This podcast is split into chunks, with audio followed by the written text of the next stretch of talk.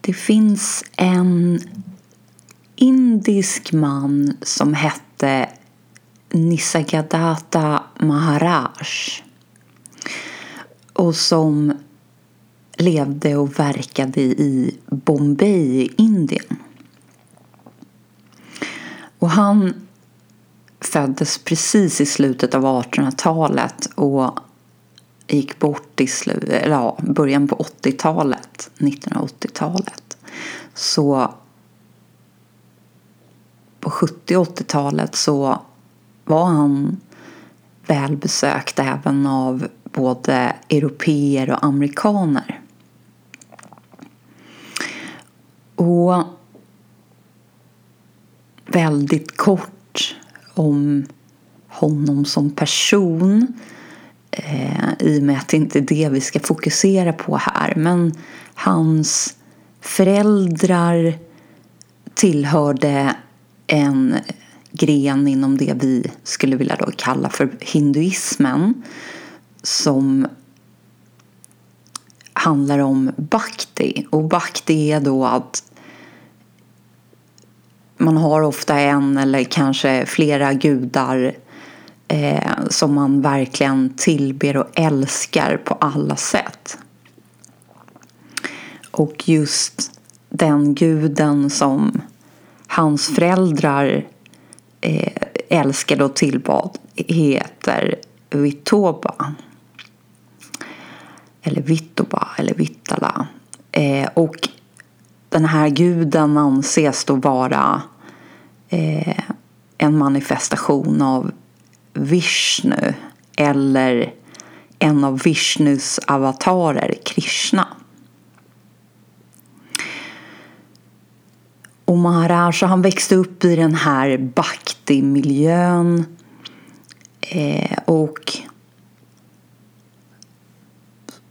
i Indien så är det ju eh, mycket mer naturligt att besöka någon form av det de vill kalla för guru eller mästare.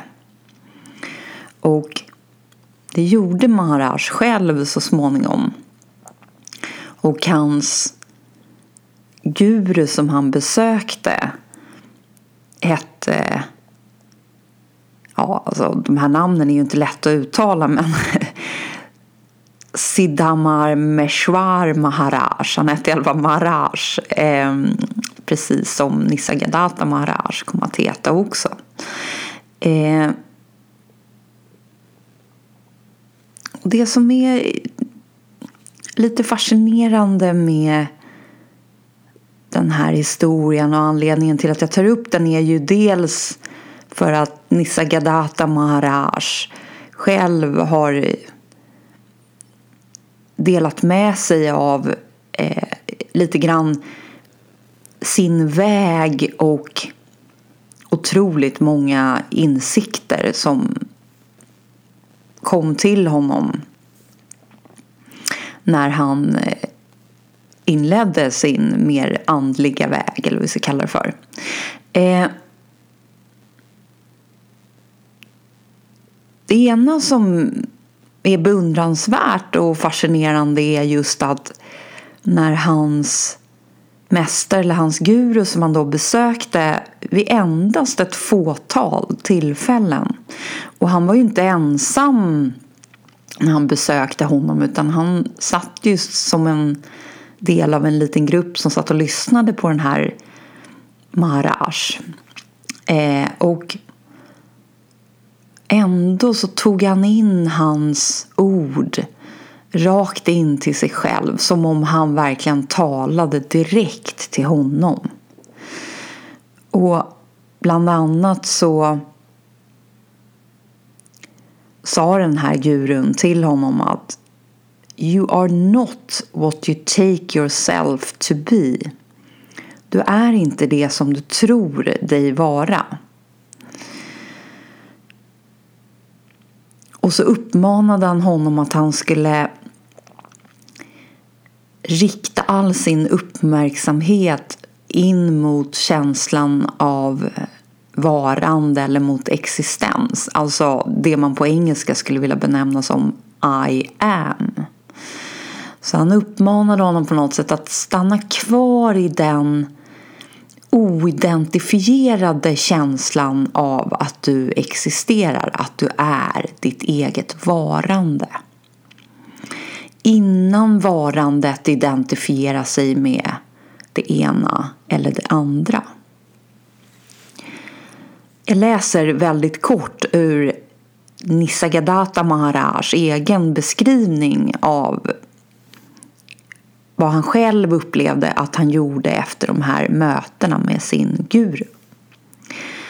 My guru ordered me to attend to the sense I am and to give attention to nothing else. I just obeyed. I did not follow any particular course of breathing or meditation or study of scriptures. Whatever happened, I would turn away my attention from it and remain with the sense I am. It may look too simple and even crude.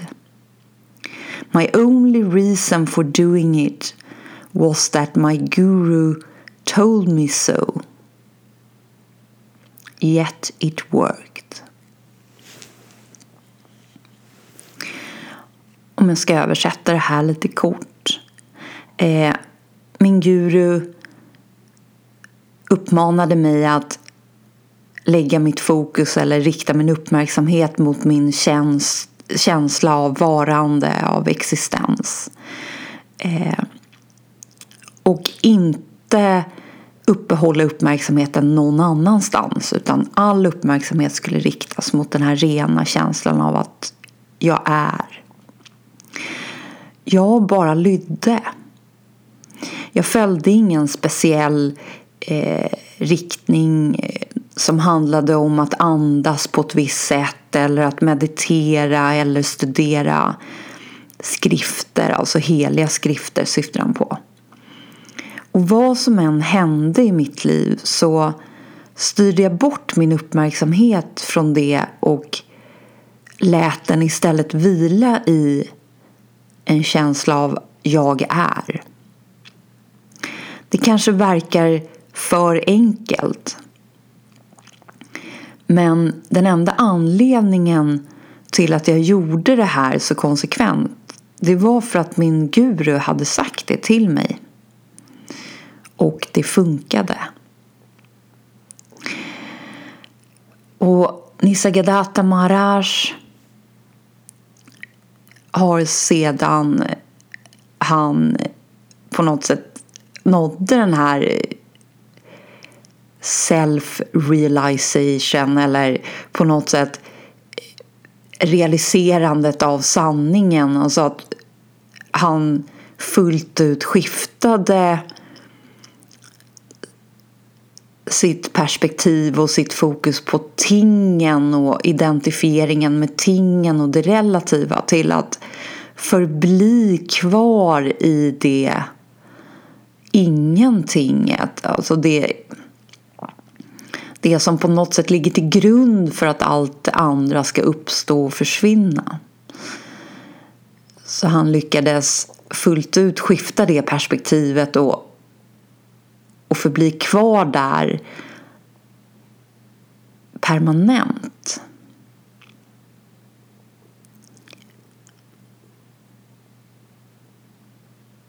Och efter det så ville han först bara iväg eh, och på något sätt leva lite som en eremit eller bara liksom han vandrade upp i, i bergen och kände bara för att lämna. Han hade familj och fru och eh, både söner och dötter, en dotter. Eh, men ändå så var känslan till en början att han ville bort från allting och bara vara i det här. Men eh,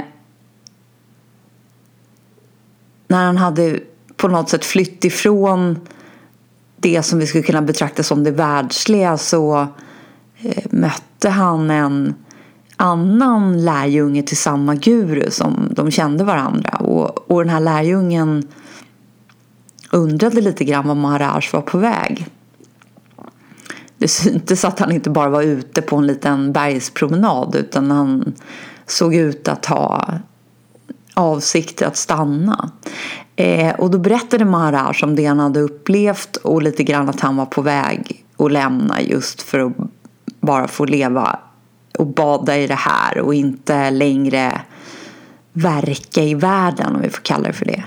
Men då sa hans vän eh, genast att men, men det är ju inte det som är meningen.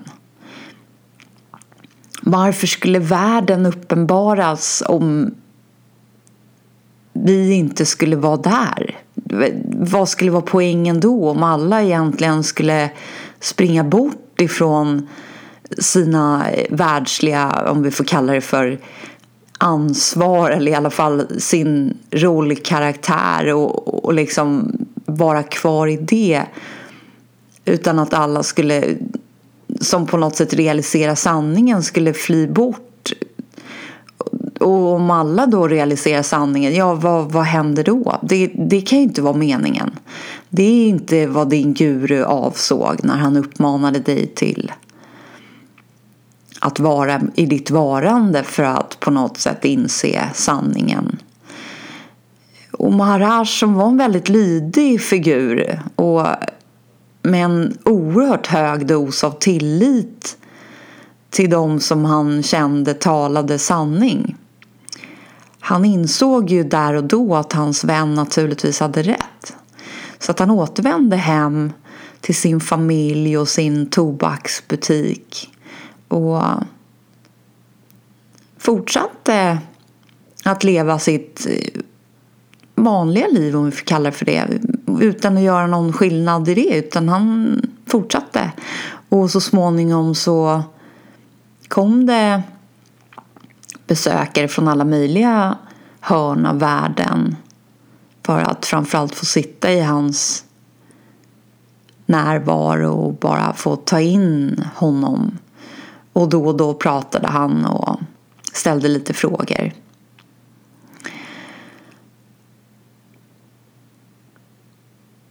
Och jag tänkte vi skulle titta lite kort på essensen i, i det som han, hans, det han själv har delat med sig av till eftervärlden. Och, och vi minns nu att uppmaningen från hans guru handlade om att stanna kvar i känslan av varande, det här rena. Jag är här. Det kan ingen ta ifrån mig. Den känslan kan ingen ta ifrån mig. Inte ens om mitt minne sviker mig fullständigt. Inte ens om mina fysiska sinnen sviker mig kan någon ta ifrån mig att jag på något sätt vet att jag existerar. Jag är.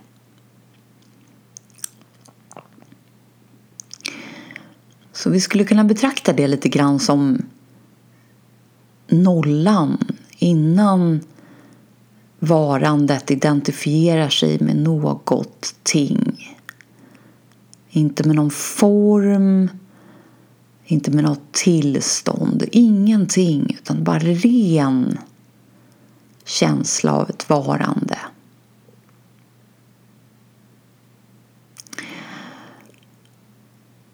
Och Maharaj betraktade den här rena känslan av varande som alltings början. Och anledningen till att han betraktade det som alltings början det var att det är ju någonting som är där innan allting annat uppenbaras. För att världen ska kunna uppenbaras så måste ju på något sätt jag vara här först för att kunna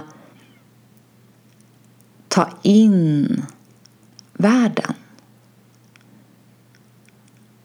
Om inte jag är här så är ju inte heller världen här för mig. Vi behöver inte gå vidare och säga att ja, men världen är ju där oavsett, för det vet vi egentligen inte riktigt. Det är ett antagande som vi har gjort. Men om vi nu ska hålla oss enbart till det som vi själva direkt kan konstatera är sant utan att lita på vad någon annan säger eller hur det borde vara. Från och med nu så gäller endast det vi direkt kan konstatera som en absolut sanning. Allt annat lämnar vi lite grann nu. Och då kan vi konstatera att vi är. Jag är här. Det kan ingen ta ifrån mig. Jag existerar. Och jag inser att den rena känslan av att existera förekommer uppenbarandet av världen.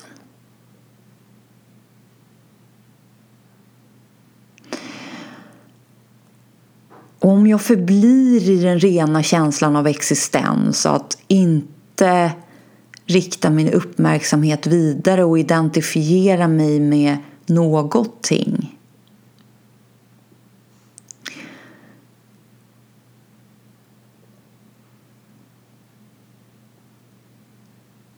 så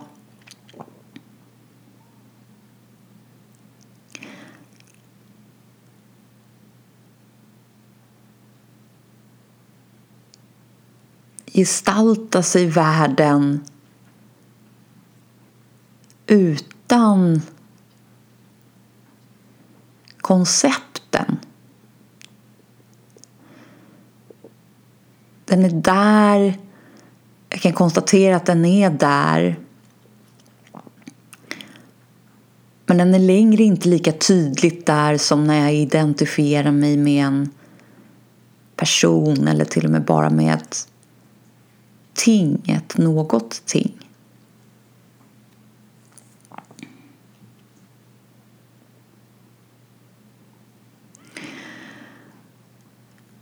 Och på något sätt om nuet är det enda som egentligen existerar.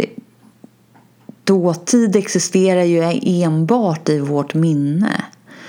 Och dåtid, det är ju inte samma dåtid som existerar i mitt minne som existerar i, i någon annans minne utan det är ju en tolkning av det jag kallar för dåtid som handlar om vart mitt fokus eller min uppmärksamhet riktades i olika sekvenser av det jag vill benämna som dåtid. Och på något sätt gick det också genom mitt tolkningsfilter och blev till minnen av dåtiden. Och framtiden är ju inte heller någonting som existerar annat än i vår eget, återigen vårt eget minne eller vår egen sinnliga förmåga att projicera ut tänkbara scenarios i vår fantasi, om vi får kalla det för det. Så det enda som är verkligt här, det enda som är sant är ju nuet. Det är ju faktiskt det enda som existerar. Så framtiden kommer ju komma in som ett nu om och när den kommer.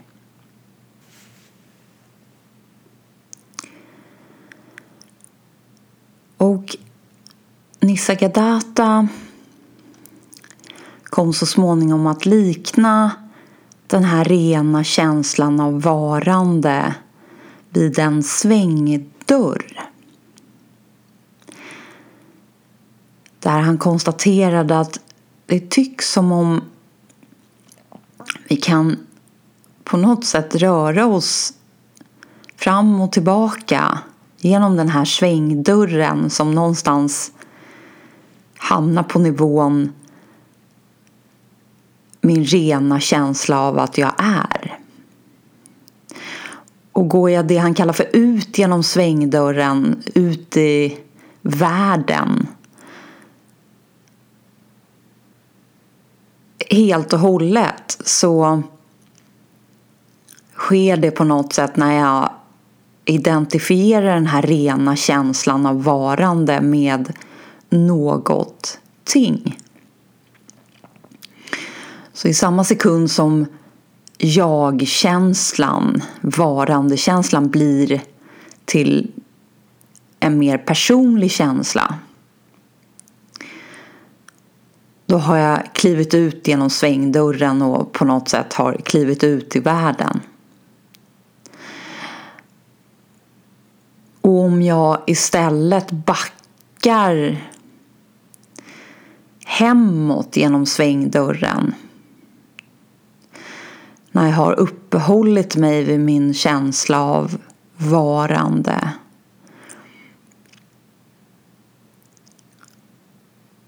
så upplöses så småningom även den känslan i någonting som inte är någonting.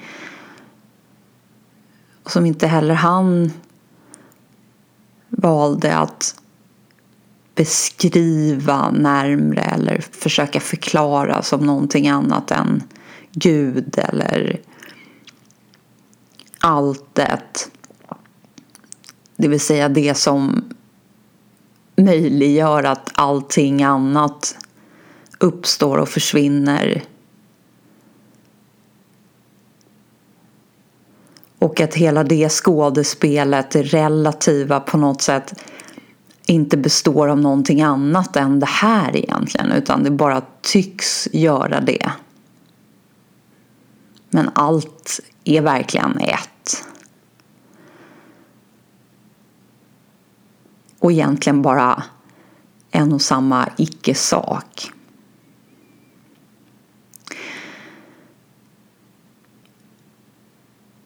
Så den här svängdörren är på något sätt världens början.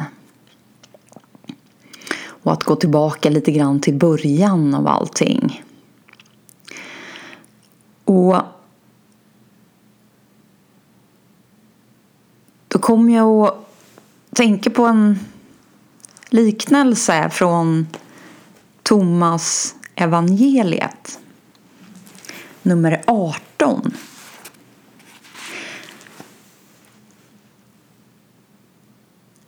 Jag läser. Lärjungarna sa till Jesus Tala om för oss hur vårt slut blir. Jesus sade Har ni då upptäckt början eftersom ni söker slutet? Ty där början är, där ska slutet vara. Salig är den som vilar i början. Han ska veta slutet och inte smaka döden.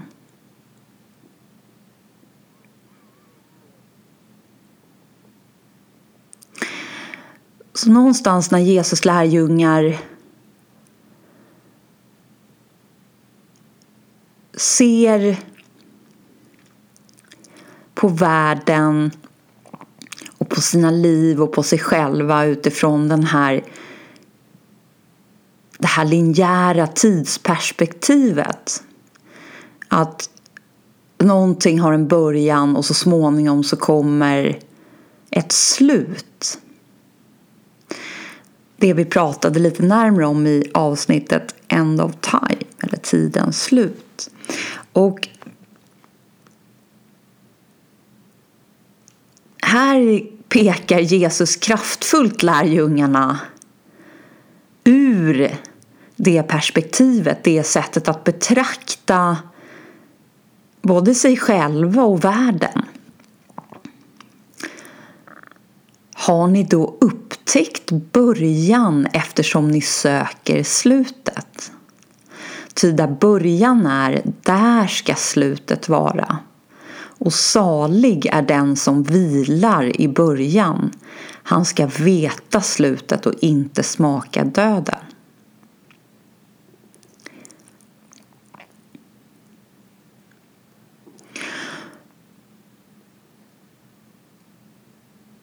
Och, det är ju lätt här att eh, känna att ja, men början, det måste ha varit eh, när den här formen föddes.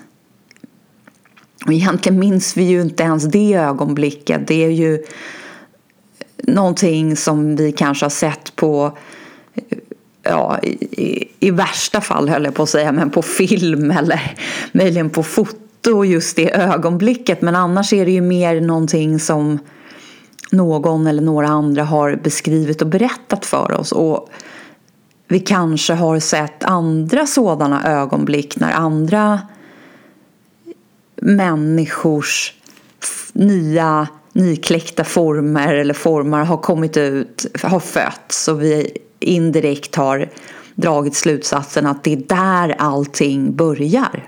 Då började allting för mig. Men om vi nu bara faktiskt en liten stund ska hålla fast vid det som vi med absolut klarhet bortom allt rimligt tvivel kan konstatera är sant så kan vi ju undra, kan vi verkligen med säkerhet, med den säkerheten konstatera att vi vet att vi har fötts då? Att det var då vi uppstod och innan så fanns vi inte.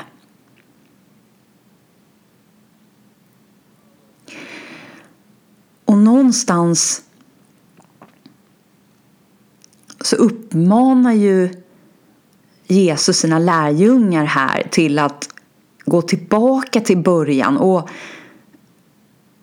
varför skulle han göra det om han visste att början inte var känd i nuet. Att vi inte skulle kunna söka oss tillbaka till början och faktiskt också finna början.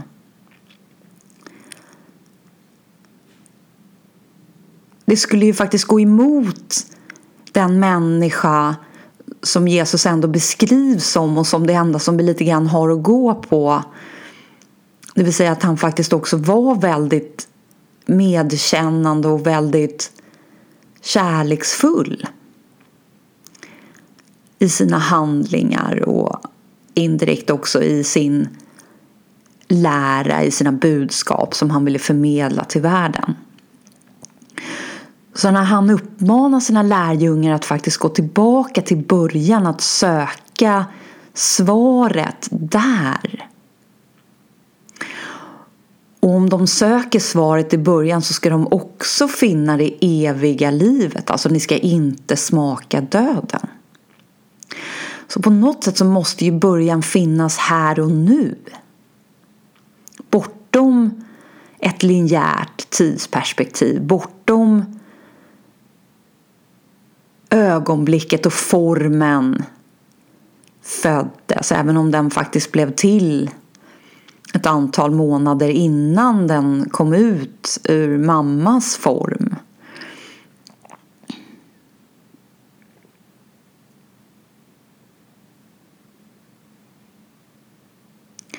Och den här början handlar om att inåt, vända vår uppmärksamhet inåt, tillbaka till början, det vill säga tillbaka till ursprunget till att världen uppenbarar sig för oss.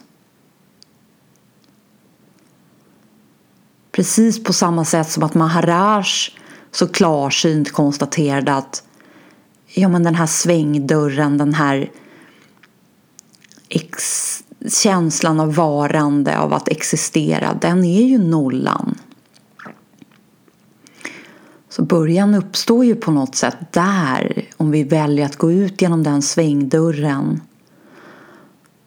och låta början identifiera sig som någonting. Det är där allting uppenbarar sig. Det är där allting uppstår.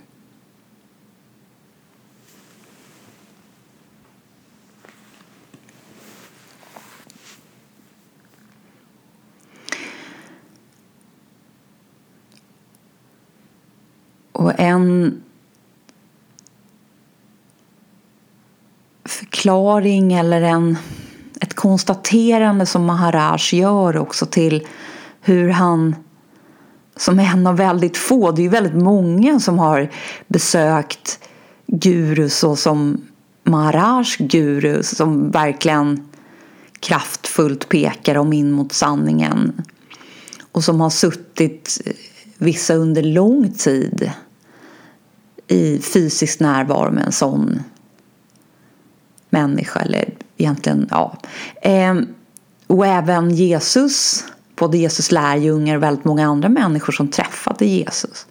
Vad är det som gör, sanningen tycks ju återigen vara enkel och hela tiden tillgänglig för oss, inom oss och till slut som oss. Vad är det som gör att det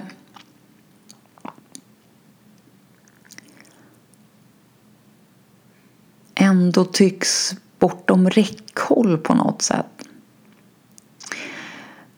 Och Maharaj konstaterar då Obedience is a powerful solvent of all desires and fears. Alltså lydnad är en kraftfull upplösare av alla begär och alla rädslor. Vi har ju pratat lite om Buddha och Buddhas lära och det här med att ge upp eller att på något sätt lyckas bli av med åtrån och begären för världen. Och också hur kopplingarna till världen ofrånkomligt på något sätt föder rädslor, rädslan att förlora kopplingarna eller att kopplingarna ska övergå till lidande.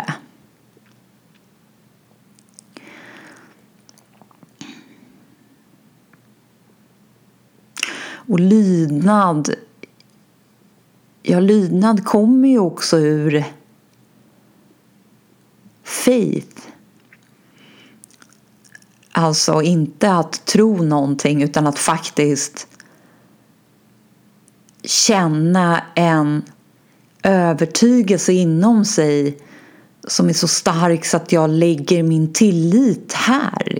precis som Maharaj la sin tillit till sin gurus ord. Han litade mer på det som kom ut ur hans guru än på rösten i sitt eget huvud. Han la sin tillit där.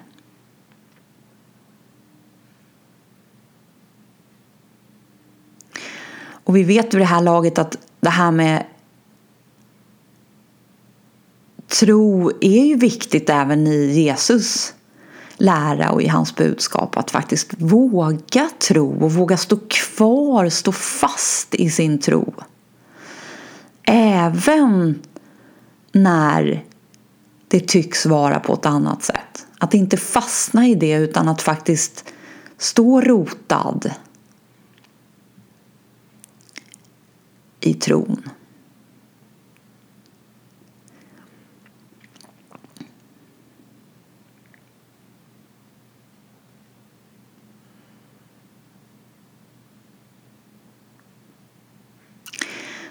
Så jag uppmuntrar er idag till att, som Maharaj själv uttryckte det, när saker tycks hända.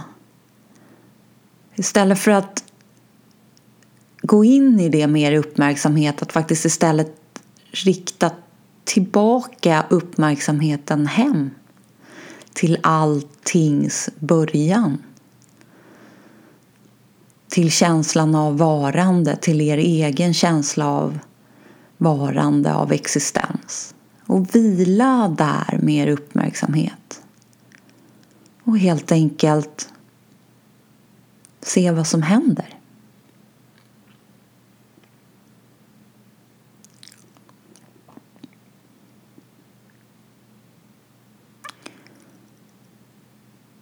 Vem vet? Kanske vilar svaren på den eller de frågor som ni har kvar där.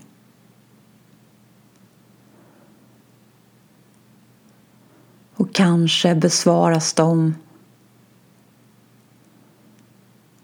i tystnaden och stillheten.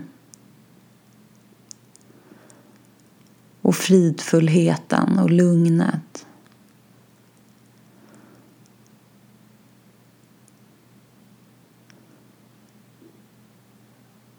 som finns där.